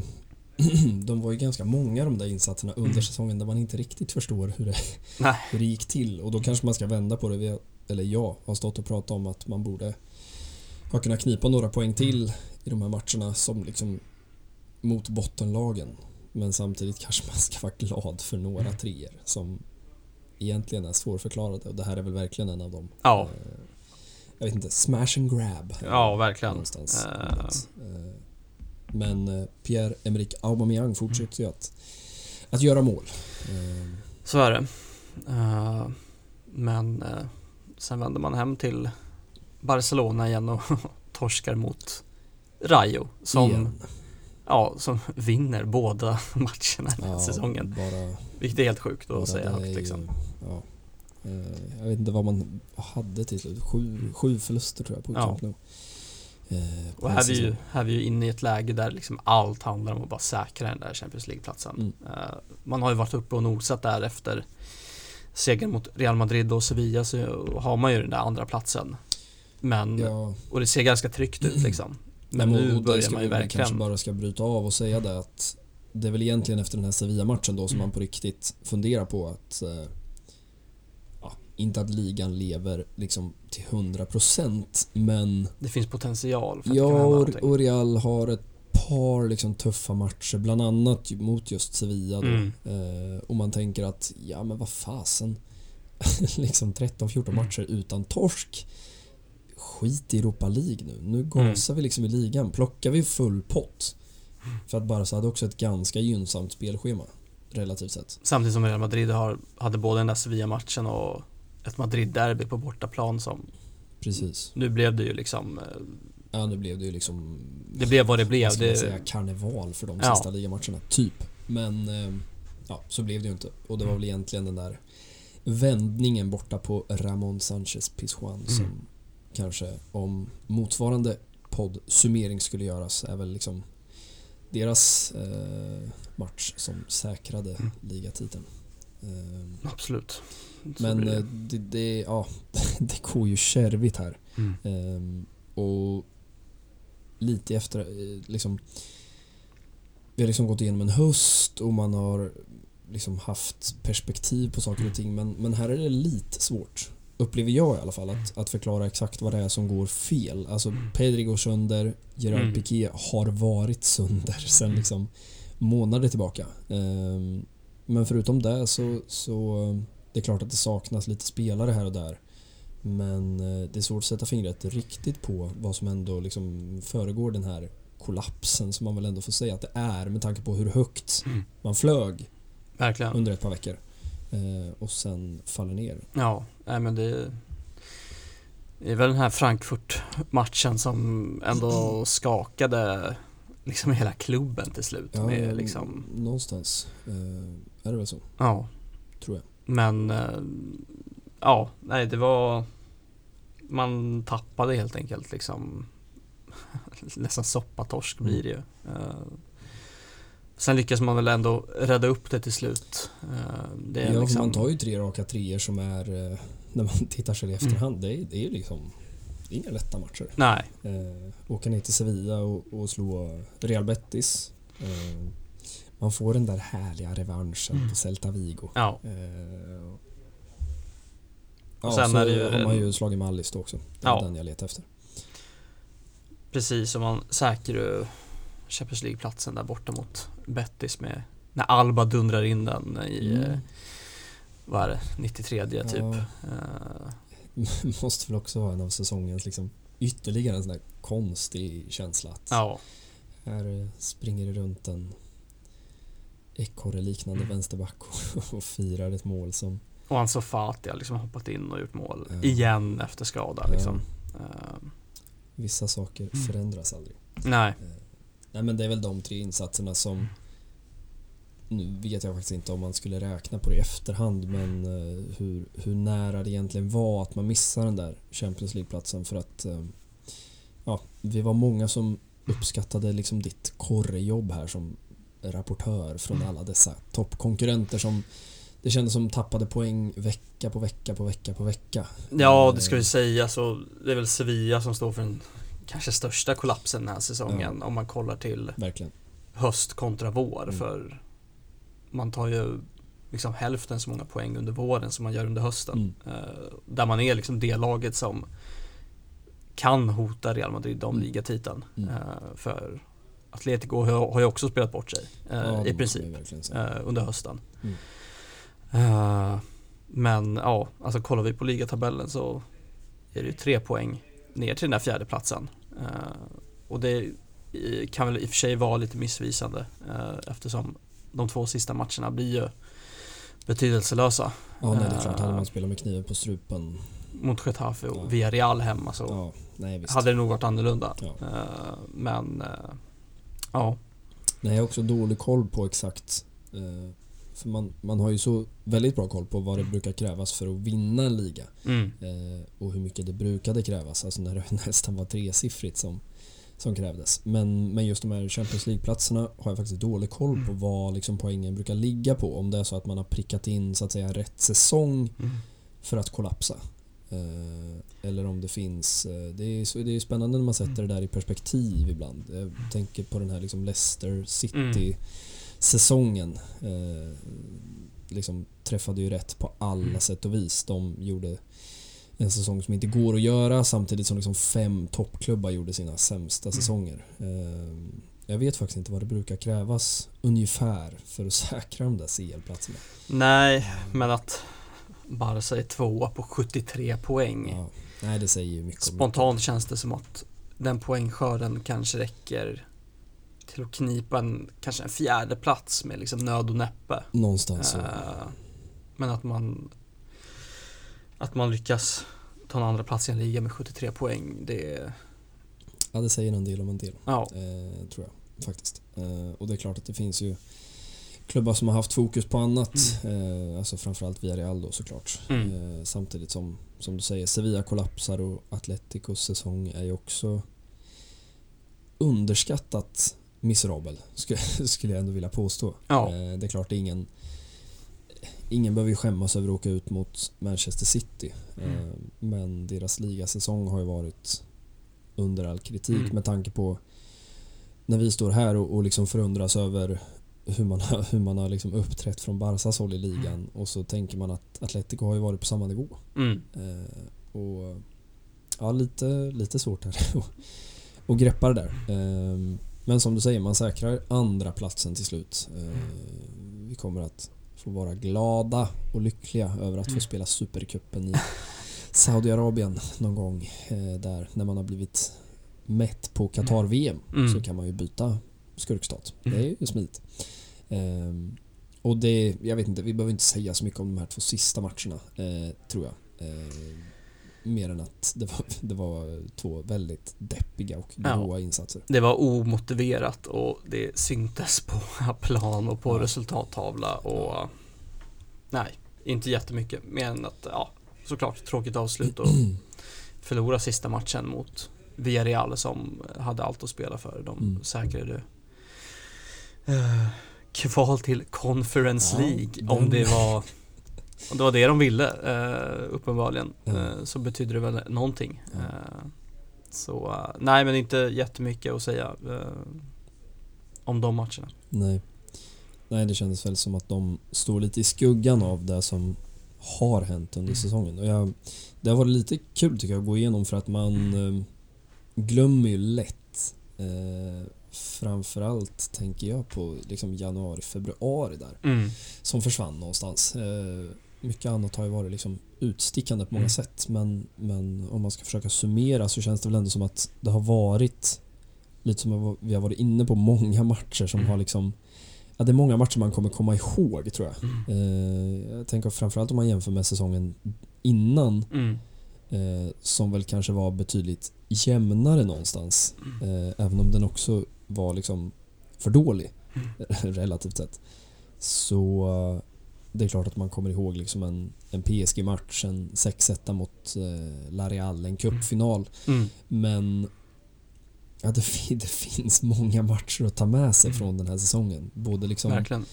både högt och lågt. Eh, och det har funnits insatser som har varit Ja, man har nästan skämts ibland Mm. och ibland har man varit väldigt stolt. Mm. Och det har använts spelare, jag vet faktiskt inte hur många spelare som har spelat i Barcelonas tröja den här säsongen.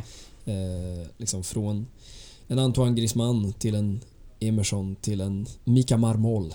Ja. Eh, det, det har varit... Eh, Det är ett härligt spektrum där. Från Ja, Griezmann till. Mika Marmol. Eh, det, det måste man verkligen säga. Eh, jag vet inte vad det kan vara. Alltså 35 Mm. typ. Ja. Eh, det säger väl också en del om, om en del. Mm. Eh, men jag vet inte om man ska försöka sammanfatta liksom vad, vad man sätter för, för stämpel. Det är ju svårt någonstans. Ja, alltså nu när man har gått igenom allting så har man ju med sig liksom vilket jädra nederlag det blev med det där Champions League-spelet och jag vet inte, ja. Ja, Det är nästan som man har liksom ja så här, alltså, förträngt det. kan man sätt. förlåta liksom en sån kollaps? Det är så här, visst, under Koman, ja det kanske man kan göra. Men Ja, det är ju verkligen en säsong med två ansikten liksom. Ja, och sen ska man väl säga liksom... Jag menar, sen behöver man inte torska liksom 3-0 två Mm. gånger mot Bayern. Men det är klart att det är tufft. Och jag menar Mm. Benfica är ju en habil liksom, Champions League-klubb på alla sätt Mm. och vis. Men det är klart att... eh, Ja, nej det är svårt att smälta det där. Mm. Eh, Men det, jag vet inte. Det är som du säger, det är väl en säsong med två, två ansikten Ja. på något sätt. Eh, Och man, något som jag också tänkte på är att det är, man, man blir liksom förundrad över hur kort Mm. tid Koman faktiskt satt. Mm. Och hur fort det ändå gick. Från att man ändå Sen vet jag inte för sig vad man tänkte då under sommaren. Eh, han får väl beskedet liksom ändå så överraskande sent också. Ja. Alltså det är inte så att han får det liksom den första juni så att Mm. you're the guy liksom. Eh, men det Nej. går, det går ju ändå fort. Laporta Eh. håller ju honom på på den här kroken liksom Ja. och bara, ja men eh, Vi får se, vi hör av oss ungefär. Ja, hittar vi Eh, ingen ny så behåller vi dig liksom. Ja, men man undrar hur kontakten såg ut under de veckorna. Mm. Ehm, För det finns ju ändå en liksom Ja, en spelartrupp som ska sättas och beslut som ska tas. Och Mm. Man undrar om han var helt bortkopplad under den här tiden eller om det fanns liksom korrespondens fram och tillbaka. Eller Mm. var han, var han liksom inne på Ciutat Esportivo och, och satt liksom kring, kring bordet eller Mm. hur fungerade det där egentligen? Ja, Ehm, Men oavsett så kan man väl säga att det tog ju liksom ja, visst, Man började ju spela ganska tidigt i augusti. Ehm, Men det är klart det, det blir ju liksom två, tre månader vi pratar om innan han försvinner. ja. Och, Och eh, nej, alltså rätt beslut som sagt men eh, jag vet inte vad man ska sätta för betyg på hösten kan väl inte bli annat än underkänd på Ja, något nej, sätt. det är väl, det, det är väl inte så, så mycket orda om. Eh, Våren är väl svårare i så fall. Ja, den är ju Eh, svår att betygsätta liksom, men det hamnar väl på, jag vet inte, någon sån här 3 av 5 skala liksom. Att man Ja, men, ändå ja. lyckas säkra den där Champions League-platsen med tanke på att man vad, vad ligger man vid, vid årsskiftet? Det är liksom 8-9 liksom. Ja, Jag tror man ligger nio när Xavi tar över. Ja, och man slutar ändå på en andra plats. Visst, det kunde ha blivit mycket mer. Mm. Eh, samtidigt kan det också vara ens egna liksom, förhoppningar som spökar. Ja, men lite så. Eh, men en ändå klart godkänd vår säsong tycker jag. Nej, man, någonstans får man väl ta med sig. mm, Nu har vi rabblat om några gånger Mm. men, men det finns ju mål och det finns, det finns ett klassik och det Mm. finns en liksom Atletico Madrid-match. Eh, det finns också liksom Cadiz hemma och det Ja. finns Benfica borta. Eh, Och det finns spelare.